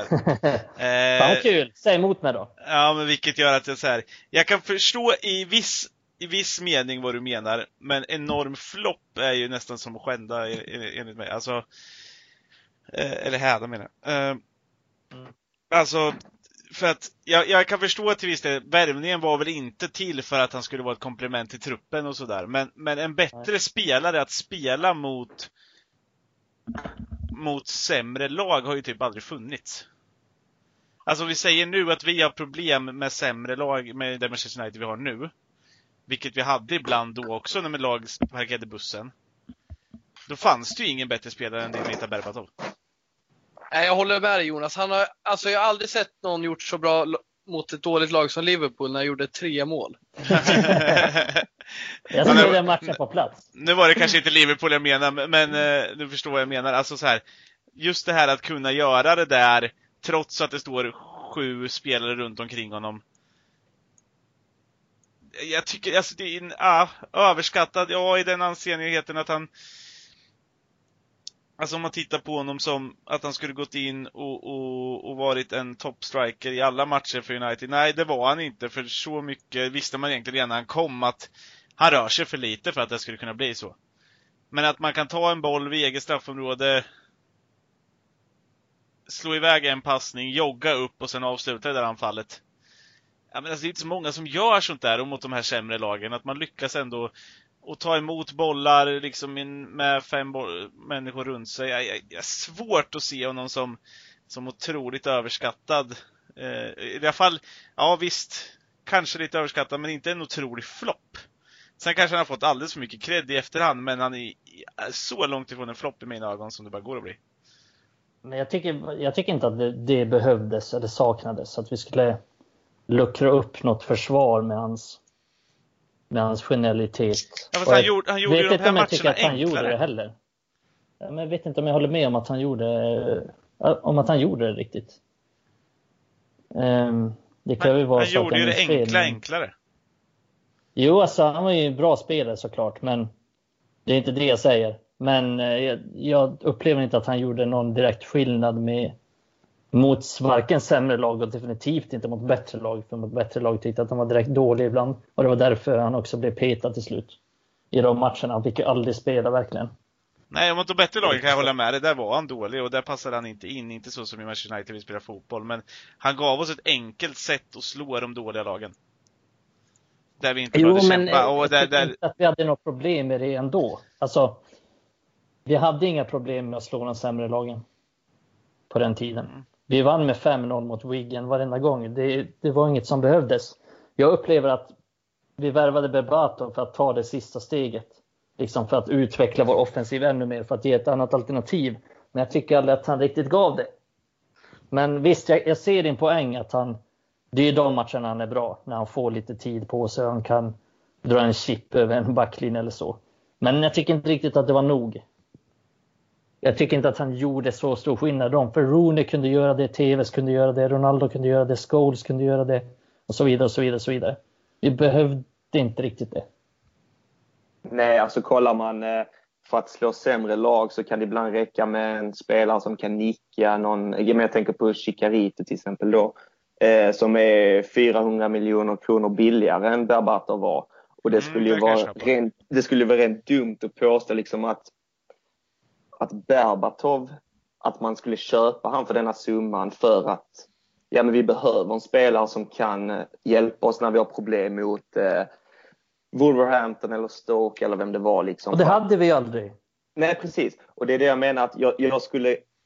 På så sätt är jag extremt överskattad. För ser man vad han kostade, ser man vad han bidrog till, så skulle man ju inte göra den satsningen på en spelare som bara skulle hjälpa oss i dessa tuffa matcher. Eller i matcher där vi hade svårt att överlista försvaret. Liksom. Eh, Så att jag tror väl helt klart att man förväntar sig betydligt mer. Och på så sätt är jag helt med i din kör där Mikael, att han var extremt överskattad. Man förväntar sig mycket mer av Berbatov. Och han passade inte in i United riktigt. Nej, jag tycker han blir överskattad för att han gjorde snygga grejer och det, Mm. det är det folk minns. Folk minns inte att han blev petad helt ur truppen mot Barcelona till exempel för att Ferguson hade hellre slängt upp Darren Fletcher på toppen och Berbatov mot Barca på topp. Och det är jag helt ärlig med. Han skulle hellre ha Darren Fletcher där uppe än Berbatov. Samtidigt ser jag en, en sån här vinning i som supporter i att ha Alltså, jag, jag förstår en poäng i det där, att han värvades ju inte för den aspekten, men ibland växer ju spelare in i andra karaktärer än vad de värvades för. Det har man ju sett hända Mm. förut. Eh, men, men alltså man ser en viss vinning i som supporter också, att få se det där snyggare hända när vi vinner med 4-0 mot, eh, mot Blackburn. Eh, eller 5-0 eller fan det blev. Eller var till och med 7-1 mot Blackburn någon gång va? Alltså så, Mm. och, och, och man får se det där snyggare som Berbatov gör istället för att se bara någon som nickar in en boll. För det var inte bara det han gjorde. Han bjöd ju på det där extra också, vilket gör att man som supporter ändå mår ännu bättre. Sen så, ja, jag köper vad ni säger i att han inte var det han köptes för och det var dyra pengar att betala för det. Samtidigt hade inte United problem med pengar så att eh, samtidigt så hade vi kanske behövt någon annan också. Jag, jag förstår det, men sam, ja, det är ju inte en extrem flopp i alla fall, det kan man inte säga. Nej, det, det beror ju alltid på hur man definierar det ja, såklart. ja, ja, ja, ja, det är klart man kan säga det, men jag skulle inte kunna säga det i alla fall. Då skulle jag gå emot mina egna värderingar. Men, men, men ja, jag kan, jag kan hålla med till viss del att han är överskattad i efterhand bara för att han gjorde snygga grejer. Eh, I så fall så skulle ju Ronaldinho vara eh, bäst genom alla tider eh, på allting någonsin. Men om- vi kollar hans mål nu, jag kollar upp lite nu. Första säsongen 9 Premier League-mål, 14 alla turneringar. Sen 12 mål i alla turneringar, 9 mål i alla turneringar. Det är Danny Welbecks siffror. Det är fan Tom Cleverleys siffror. Det är... Och med tanke på vad han kostade, stjärnstriker, och med tanke på hur bra United var. Det ska vi komma ihåg. United var etta, tvåa i ligan de säsongerna dominerade varenda match. Så jag tycker det är, det är för dåliga siffror han kom upp med. Jag kan känna någonstans att jag tycker på lång sikt att de här pengarna vi satsade var inte välsatsade pengar för att utveckla oss. Det tycker jag inte. Jag tycker vi hade kunnat. Jag tyckte det var bra som ni sa. Ja, men om nu TVC inte var en jävla apa så hade vi kunnat behållit honom och satsa på honom liksom. Mm. Men jag tycker faktiskt att pengarna vi satsade på honom var värt bara den här säsongen som han gjorde 20 mål Mm. och han faktiskt i ligan är bärande för att vi ska ta en titel. Om det är värt 30 miljoner pund eller 100 miljoner pund, det ska hållas osagt. Det var värt mycket pengar i alla fall. Och det är ju skillnad med Welbeck, att han vann ju inga titlar åt oss. Det gjorde ju inte Andersson heller. Eh, men jag tycker att eh, ni har bra poäng där med att behålla TV istället för Berbatov. Det tror jag mer på lång sikt. För han visade bra jävla go i City sen när han gick. Eh, om vi ska se till spelare nu bara. Personen avskyr jag ju, men jag gillar verkligen att se honom i United tror jag han var jättebra. Berbatov, ja, den säsongen då var vi inte så jävla bra. Vi hade inte TVs, vi hade inte Ronaldo. Vi hade liksom Chicharito, Rooney och Berbatov på topp. Och, Ja, just, eh, vi behövde han den säsongen. Men det är intressant, jag har aldrig tänkt på det, men att ha kvar TVs istället för honom. Ja, det hade nog ökat vår kompetens, det tror jag. Det var ju mycket därför TV ville dra. För att han, han blev ju åsidosatt av Berbatov. Och det fattar man ju. Fergie gjorde en, ja, Uniteds största värvning någonsin. Det är klart han ville satsa på Berbatov då. Ja, den är tuff att säga till ledningen liksom att ja, jag köpte honom, men jag vill ändå betala honom. Mm. eh, Ja, lånade jag- från West Ham. Jag har aldrig sett United så överambitiösa som den säsongen. Liksom. Det är jätteolikt. Utan man litar ibland på väldigt begränsade kvaliteter. Och eh, jag menar, du kan ha ett mittfält där det bara är Carrick och Carrick Fletcher liksom, en hel säsong. Men fan in med fyra forwards där alla är världsklass. Eller deras Mm. högsta nivå är världsklass. Det är extremt överambitiöst och jag tror det blev lite för mycket där med att värva Berbatov.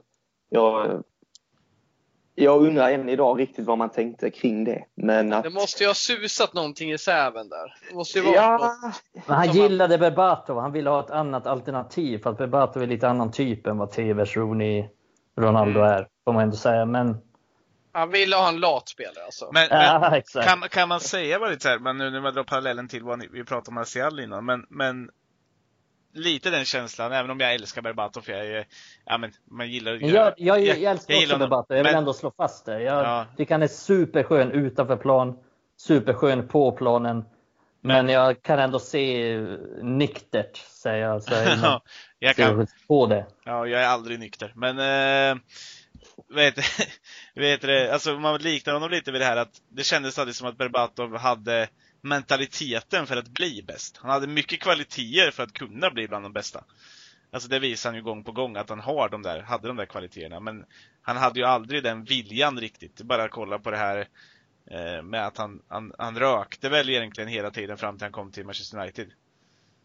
Eh, Ja, men det gjorde många i United. Alltså, det gjorde väl så här Cantona Ja. också och Fabian Barthez också. Men jag tänker så här att man är en... Barthes. Man är den man är. Man är den man är, så att säga. Ja, men, men, Han men är den han är. Jag tror, inte, jag tror inte det handlar om lathet faktiskt. Och det har han sagt många gånger förr att han gjorde liksom sitt yttersta men han är inte den typen som har det i sig att springa som Rooney gör. Alltså, äh, förstår ni vad jag menar? Alltså någonstans så Jag är man vad du menar, men, men, men har man verkligen viljan då? För att det är det som krävs. Ja, det är en diskussion. Det är en diskussion i sig, men Mm. jag känner väl så att Ja, alltså ja, klart man kan ha mer vilja än någon annan, men någonstans så är man också den man är personlighetsmässigt. Men absolut, det kanske ni är bättre på att svara på. Filen ropar i omklädningsrummet. Ja, jag ska till Tesco, vad ska du ha? Bara. Ja, jag tar bubbelvatten. Det bara, jag ska ha en munk. Och vet du Smal- Ber- smal- Berbatov bara, jag ska ha en uh, John Silver. Utan filter! Gula Blend. Och vi kan ju se Scholes sitta och sippa på en eh, ne- neutral eh, vatten med bubbel i. Då sippa bara här. Det är Tror du verkligen det? Han dricker fan inte bubbelvatten. Han Jo, men det festar han till det vet du, de har vunnit med ett par mål. Kranvatten så det sjunger om det. Änglarnas äckliga kranvatten. Ja. Smakar, Bara tjuter i rören när man öppnar kranen. smakar som det gör i Finspång. Det finns ingen motstånd i de kranarna bara. De har ju också Så så är det i England. Ja, de har hörni. också, de har också så här två separata kranar för varmvatten och kallvatten. Mm. Jävla u-land. Hörde ni? Eh, vi har till och med gått lite overtime, så att säga. Eh, och det börjar bli dags att runda av det här avsnittet. Eh, Adam brukar alltid ha något fint att slänga ur sig så här till eh, innan vi ska sluta. Har du någonting idag också eller? Jag är aldrig på uppstuds sådär. Det kommer alltid spontant. Ja, okej, då skiter vi i det då. Utan då, då, då säger jag det jag brukar istället. För det första så vill jag passa på att säga till er att har ni, ni som lyssnar, eh, någon spelare som ni har upplevt som eh, ja, överskattad eller extremt överskattad eller så inom, under de här åren som kanske inte har fått den kritiken de förtjänar. Eh, skriv gärna det inlägget som kommer ut på Facebook ihop med att vi släpper podden. Eh, så vi får ta del av det också, så kanske vi tar upp den spelaren någon gång här nu i framtiden också. Och tycker ni att vi är ute och cyklar så var inte sena och berätta det. Det kan bli en bra diskussion. Mm. Eh, vi gillar, vi vill höra vad ni eh, har att säga helt enkelt. Eh, och glöm på där och inte att följa oss på Spotify. Eh, glöm inte att följa oss på eh, Acast om ni lyssnar där, eller Soundcloud, eller på iTunes Podcaster. Eh, samtidigt som ni också då följer oss på Facebook, Instagram och Twitter där vi just i nuläget i dessa coronatider är mer aktiva på Instagram och Twitter. Men eh, imorgon, råk imorgon säger jag, eh, det gör jag, eh, på fredag så kommer det en ny krönika som jag kan säga är signerad Oliver. Eh, den, Vi fortsätter på Anderson-spåret där faktiskt. precis. Ja, Vi nu kan avslöja så mycket. Vi ska, vi ska granska det största bedrägeriet i Uniteds historia. Och vi kommer att prata lite om både Cleverson och Anderson. Vad som flög i United när man värvade dessa brassar. Det var därför du satte Kleberson så snabbt. Det var lite därför. Jag har gjort min research. Gjort min research. Nej, men det, det blir väldigt intressant. Liksom. Eh, Vi kommer prata mycket om, eh, det kommer vara mycket eh, kulturella aspekter kring sydamerikansk fotboll och så här. Så att, Mm. eh, finns Missa inte utrymme det. för diskussion. Nej. Missa inte det här på fredag helt enkelt när våran fredagskrönika kommer ut. Eh, men vi tackar för idag hörni. Eh, hoppas ni lyssnar även nästa gång. Bye bye!